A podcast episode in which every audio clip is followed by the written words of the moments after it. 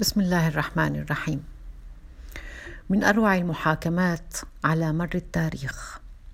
نادى الحاجب يا قتيبة! هكذا بلا لقب.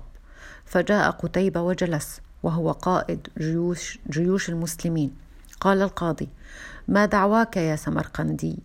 قال اجتاحنا قتيبة بجيشه ولم يدعونا إلى الإسلام ولم يمهلنا حتى ننظر في أمرنا.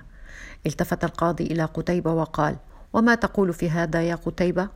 قال الحرب, الحرب خدعة وهذا بلد عظيم وكل البلدان من حوله كانوا يقاومون ولم يدخلوا الإسلام ولم يقبلوا بالجزية قال القاضي يا قتيبة هل دعوتهم للإسلام أو الجزية أو الحرب؟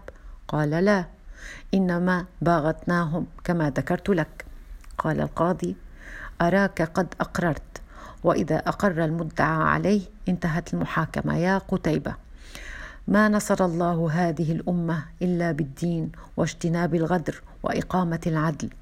قضينا بإخراج جميع المسلمين من أرض سمرقند من حكام وجيوش ورجال وأطفال ونساء وأن تترك الدكاكين والدور وأن لا يبقى في سمرقند أحد على أن ينذرهم المسلمون بعد ذلك.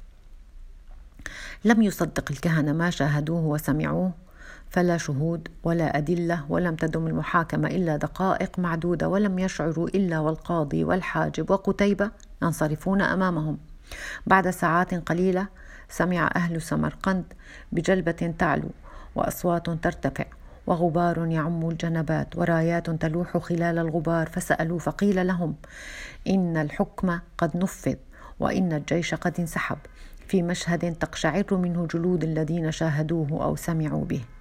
وما إن, وما إن غربت شمس ذلك اليوم إلا وقد خلت طرقات سمرقند وصوت بكاء يسمع في البيوت على خروج تلك الأمة العادلة الرحيمة من بلدهم.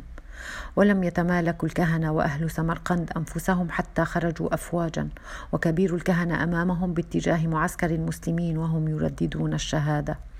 لا إله إلا الله وإن محمدا رسول الله. أتدرون من هو القاضي؟ إنه عمر بن عبد العزيز خامس الخلفاء الراشدين رضي الله عنه وأرضاه. فعلا إنها من أروع ما قرأت ومن أروع ما سمعت. اللهم ردنا إليك مردا جميلا ولا تجعل للشيطان ولا لأهوائنا علينا سبيلا.